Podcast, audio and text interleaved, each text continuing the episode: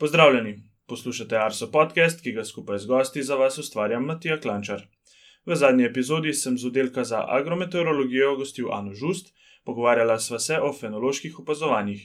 Vabljeni pa tudi k poslušanju preteklih epizod. Tole pa je prva epizoda z dvomestno številko, z mano je magistr Anton Zgonc. V današnji deseti epizodi se bova dotaknila radarskih opazovanj, kjer smo ob koncu meseca marca na Arso predstavili kar pomembno novost. Pozdravljen, Tone. Ja, pozdravljeni. Ponavadi začnem z vprašanji, ki na kratko predstavijo samo teorijo osrednje teme. Uh, kaj je sploh radar, pa kaj, kako z njim zaznamo padavine? Radar je daljinski merilec padavinskih oblakov. Deluje tako, da pošilja zaporedoma pulze elektromagnetnega valovanja, kratke pulze v prostor in uh, meri uh, odbito valovanje nazaj v sprejemniku. In iz časa zakasnitve določa oddaljenost, iz jakosti uh, se pa da uh, določiti odbojnost in preko nje uh, vsebnost vode na različne načine v, tistem kosu zraka, ki smo ga izmerili. Kar bi se še dalo lahko reči o radarju, je to, da to je spada med tako imenovane eholokacijske merilnike. Ne. Ni radar edini. E, že pred radarjem je to znal sonar, ne. E, znajo pa to tudi nekatere živali in sicer kiti in netopirje. Mhm. Kakšna je pa recimo natančnost radarskih meritev padavin? Radar je semi-kvantitativni merilnik. Dejansko natančnost merimo v faktorjih, ker je zaradi različnih fizikalnih uh, razlogov so pač uh, napake meritev uh, tako uh, porazdeljene, tako da bi rekel, uh, za kvantitativno porabo je uporaba nekje do med 70 in 120 km. Kar je zatem, je pa uporabljeno samo kvalitativno, to se pravi, da samo uh, dokaj dobro opiše uh, stanje padavinskih oblakov. Se pravi, imamo frontalne, se pravi, stratiformne padavinske oblake ali imamo konvekcije, se pravi, nevihtne oblake uh, in podobno. Uh -huh. uh, od leta 2014 imamo v Sloveniji dva radarja, ki zaznavata padavine. Kako pa se je drugače vse skupaj začelo, kdaj so ti začeli? Uh, radarji so očitno meni usvojeni, zato ker uh, prva radarska merjenja uh, atmosfere v Sloveniji so se začela istega leta, ko sem se rodil, 1971. In sicer je na, na Žikrcah, um, uh, slovenskih goricah, je stal vojaški radar, Trimark, uh, predelan za meteorološko uporabo. Namenjen pa je bil za potrebe obrambe proti toči, se pravi za ročno spremljanje nevihnih celic. Ta sistem je kolikor so mi povedali, ker jaz sem pa takrat bil še, uh, bi rekel, mali mulec, uh, je ta sistem uh, je upravljal uh, kmetijski zavod uh, Maribor, kasneje pa je to prišlo pod okrilje tedajnega hidrometeorološkega zavoda. Velik, bistven napredek se je zgodil, ko se je odločilo, da se bo ta center predstavil na bolj uh, osrednjo Slovenijo in sicer na Listco v Posavskem hribovju eh, in takrat se je tudi nabavil prvi pravi vremenski radar, ki je eh, imel že takrat doseg 230 km. In tisti radar se je en, eh, enako uporabljal kot ta prvi, se pravi za v času nevihtnih situacij za ročno spremljanje posameznih celic za potrebo obrabljanja proti toči. Kasneje se je pa še zadeva dopolnila tako, da se je v času izven teh eh, protitočnih akcij eh, začele izvajati redne meritve atmosfere. Tako da na Arsu imamo redni radarski arhiv od leta 1296 naprej. No in ta radar je, je deloval do leta 2000, ko smo ga nadomestili z boljšim. Uh, to govorimo o radarju na Lisci in ta radar uh, na Lisci, ki je bil inštaliran leta 2000, deluje še sedaj. Seveda se pa s časom pokazalo veliko slabosti tega, da imamo en sam radar. Pomembnost radarskih meritev se je tako za strokovne uporabnike, kot za splošno javnost uh, kazala kot zmeraj bolj pomembna in uporabna. In seveda so vsi o, o, opažali, da imamo. O, po Murphyjevem zakonu ravno uh, sredi najmočnejših nevihnih uh, dogajanj, največjih spadov. Tako da to je bila ena izmed glavnih motivacij, da bi bilo pametno uh, imeti še en radar. Uh, druga motivacija je bila pa to, da je uh, radar na listci stoji le preveč na vzhodnem koncu Slovenije, saj je bil namenjen predvsem za obrambo proti toči uh, teh uh, kmetijskih območij, ki so že pod vplivom panonske nižine. In bi bilo pač dobro imeti še en radar bolj na zahodu Slovenije. Prvič zato, ker je tam veliko hribovitega terena uh, z veliko padavinami in tudi hudurniškimi uh, padavinami in uh, poplavami. Eh, hkrati pa po prečju eh, vreme prihaja z zahoda, in pa če bilo zaželeno, da imamo boljše pokrito dogajanje neposredno zahodno od Slovenije. Mhm. In potem ste verjetno tudi na nek način iskali neko idealno lokacijo za to postavitev. Ja, to je pa zanimiva radarja. zgodba. Jaz sem slišal, seveda, ker smo takrat še uh, premlad. Uh, že ko se je iskala uh, lokacija za tedanjo listco, se je pokazalo, da bi bila pravzaprav najboljša lokacija mrzlica. Eh, na Celinsko dolino, se pravi, to je še uh, za Savsko hribovje, vendar se je potem zaradi optimizacije za potrebe obrambe proti toči odločilo za listco. Pa uh, listce je imela še to prednost, da je že takrat imela nekaj infrastrukture na vrhu, se pravi, uh, dobro dovozno cesto in dve uh, pleninske koči, kar je pač zelo uh, pocenilo inštalacijo samega sistema.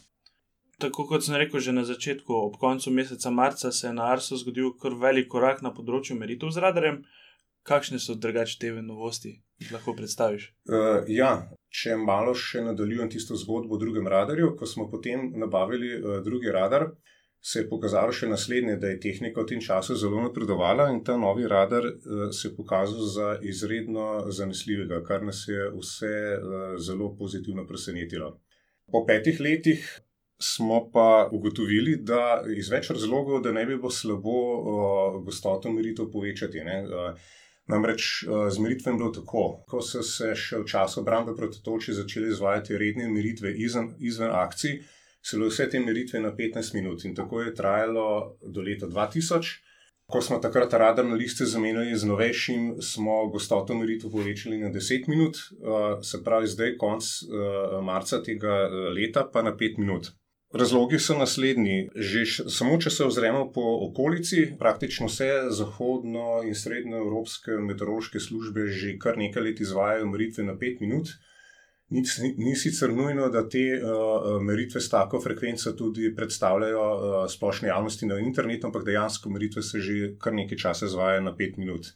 To je, uh, ima zlasti smisel v poletni sezoni, ker je, uh, ker je namreč. Uh, pogostost neviht je že ne, da bi se delala kakšna študija samo z vizualnim pogledom na radarski ohil, se vidi, da se je povečala v, v zadnjih 20 letih.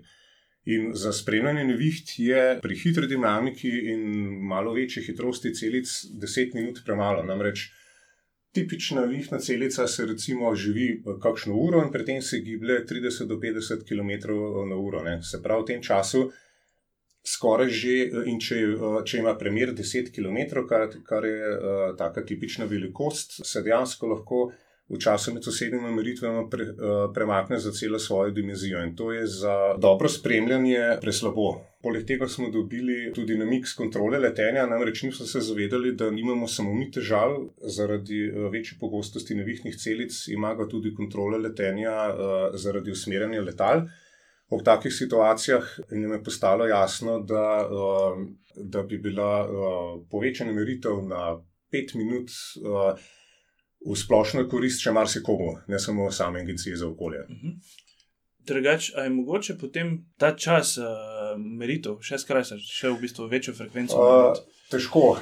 Namreč uh, to je stvar, ki se večina ljudi iz meteorologije ne zaveda. Uh, radar ne zmeri. Uh, konkretno vremenski radar ne izmeri uh, atmosfero v trenutku, pač pa naredi uh, več krogov, s tem, da se uh, po vsakem krogu elevacija antene nekoliko poviša. Teh elevacij imamo 12, najnižje je pol stopinje nad horizontom, najviše pa 28 stopinj še nekaj. In že samo zato porabimo 4 minute in pol. Tako da, eh, ko uporabniki vidijo eh, časovno značko na radarski sliki na naših internetnih portalih, eh, imajo seveda napačen občutek, da je bila ta slika izmerjena v trenutku ravno takrat, v resnici je pomeritev trajala 4 minute in pol, se pravi slabih 5 minut. To pomeni, da zdaj, ko smo gostoto meritev povečali na 5 minut, skoraj nimamo več prostega časa in verjetno bomo meritve še nekoliko prekonfigurirali, ampak v principu se. Uh, hitreje kot tako ne da meriti. Lahko bi se, vendar je potem uh, meteorološka uporabnost takih uh, meritev slabša. Radarska slika je drugače tudi, uh, mislim, da najbolj obiskana spletna podstran na Agenciji Republike Slovenije za okolje. Kaj lahko pa pomaga, recimo, vsem nam, ta radarska slika, če jo obis obiskujemo in gledamo? Če to malo popravim, uh, ne samo na, na agenciji, to je ena izmed najbolj uh, obiskanih spletnih strani v Sloveniji, nasplošno, še v prejšnjih letih, ko, ko so bili internetni portali bolj preprosti in se je to dalo lažje spremljati. Uh, je samo povezava na radarsko sliko zmeraj uh, bila med prvimi petimi. Zdaj ima uh, Agencija za okolje tri različne portale uh, za vremenske informacije in, to, uh, in tudi ta radarska slika ni notri tako vključena neposredno. Tako da trenutnega pregleda nad statistiko nimam, pa, pa ampak se mi zdi, uh, glede na uh, tudi na komentarje javnosti na raznih uh, uh, spletnih forumih, da se ta, uh, da ta uh, obisk radarskih strani še zmeraj tako skokovito raste kot je v prejšnjih letih. Tako čez palec si še zmeraj upam trditi, da je radarska slika spada med prvih pet uh, najbolj obiskanih strani v Sloveniji nasploh. Radarska slika že vsak malo bolj uh, zagnan, navdušen za vreme, ali pa tudi ne, že sam dokaj hitro dešifrira. Kajti brez, brez kakšnih računalniških algoritmov je človeško uh, oko in možgani so dovolj pametni, da ko uh, uh, gledajo zaporedje radarskih slik, si nekako že v glavi predstavljajo za pol do eno uro naprej, kaj se bo dogajalo in, in če se recimo v tistem območju, kjer se uporabnik nahaja, kaj obeta kakšna uh, padavinska situacija obiskovalci drugače te naše spletne radarske slike padavin, pa vidijo ob padavinskih dogodkih tudi različne barve. Kaj pa recimo te barve sploh pomenijo? Če se malo vrnem nazaj, ko smo imeli prvo, prvo spletno stran z radarsko sliko, nismo na skali napisali nobene številke, ampak smo imeli samo štiri razrede: rahle padavine, običajne padavine, močne padavine in ekstremne padavine. Zdaj smo se odločili, da pustimo gore uh, na skali te uh, standardne meritev, se pravi uh, radarske odbojnosti. Ne toliko zato, ker bi si ljudje potem kaj predstavljali, ker to, to količino se ni tako lahko predstavljati. Poznajo razni radarski tehniki, inženirji iz drugih področji radarske uporabe. Uh, se pa v njej da veliko najti. Uh, na uh, angliških straneh na internetu, kajti uh, radarske slike so recimo v Združenih državah Amerike, kjer imajo še večje težave s konvekcijo, poznane že dlje ča čase in, in uh, javnost, čeprav ne razume dobro radarske odbornosti, se približno predstavlja številke, pač, ker ima pač s tem že. Več dolgoletnih izkušenj. In tudi, če, če uporabnik ne bo našel dovolj informacij na naših straneh, bo zlahka spletnim brskalnikom našel dovolj te uh, teh informacij, recimo na eh, ameriških spletnih straneh. Če se tako dotaknem barv, približno tako, pomeni to tako. Modra barva so rahle padavine, se pravi, ravno bi rekel, da, je, da sploh dežuje. Zelena barva so zmerne padavine, rumena barva so že močnejše padavine, rdeča barva so nevihte, vijolična barva so pa močne nevihte z veliko vrednostjo toče. Uh mhm. -huh. Super, tako da boste tudi poslušalci vedeli v prihodnje, ko boste obiskovali radarske slike, če jo še ne poznate, ampak močno dvomim. Greva še pogledati malce v prihodnost. Kaj pa izboljšave, kaj se lahko izboljša in kaj bo verjetno v prihodnosti potrebno obnoviti, posodobiti? V prihodnosti uh, nas čakata recimo dva večja zalogaja. Uh, eden je uh, začetek meritev dvojne polarizacije. To vrstne meritve je možno izvajati na novem radarju eh, na pasi Ravani. Dvojna polarizacija prinese dve zanimivi stvari. In sicer eh, ena je eh, boljše ocene dejanskih količin padavin, drugo pa je, da se da v nekem prostorskem volumnu v oblaku klasificirati tipe padavin, sicer ali imamo dež, sodro, točo. Seveda bo za uporabnike najbolj zanimiva toča, seveda pa tudi sneg kar bi bilo potem srednjeročno zanimivo, recimo za uporabo upravljavcev cest, da potrebi pluženja. Tako to recimo že poznajo v srednji Evropi in Skandinaviji že kar nekaj časa.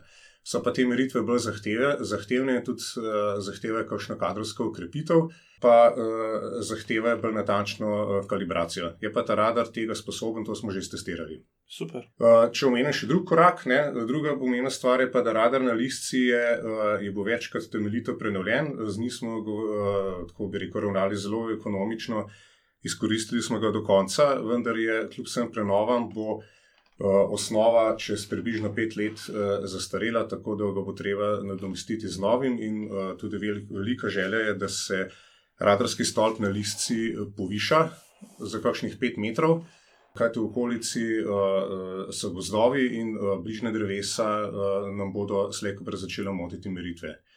Novi stolp, če bo do tega prišlo, bo tudi bolj uh, uh, primeren za obiskovalce, tako da bo možno, tako kot je zdaj na pasji ravani, uh, uh, v bistvu ob. Uh, ob spremstvu lokalnega skrbnika uh, se pospeti gor in uživati v razgledu. Pa lahko še to mimo grede povem, da radarsko sevanje je um, v okolici je majhno, ni nevarno za ljudi, tako da je možno, možno biti na radarskem stolpu tudi ob delujočem radarju in to tudi redno preverjamo z meritvami. Ja, super. Najlepša hvala, Tone, ja. za tvoj čas, ja. pa za res tale zanimiv pogovor. Mhm. V redu, hvala. Kot ste že vajeni, smo za vas v podkastu tudi pripravili zanimive povezave in pa dodatno gradivo. Vse komentarje, pohvale, pripombe in predloge nam lahko sporočite na elektronski naslov podcast.arsof.gov.si. Prav tako nas lahko najdete na družabnih omrežjih, na Twitter profilu Meteosi in Facebook strani Arso Vreme. Da ne boste zamudili novih epizod, se na podcast lahko naročite preko telefona v svojem podkastu odjemalcu. Za vas smo pripravili tudi video, kako se naročiti na podcast. Pustite nam kakšno oceno na Apple Podcasts, da bodo za nas slišali tudi ostali. Da se bo naša beseda širila, pa nas priporočite k poslušanju svojim prijateljem, sodelavcem in znancem. Hvala za poslušanje in pozornost, obilo lepega vremena do naslednjič in se slišimo čez 14 dni.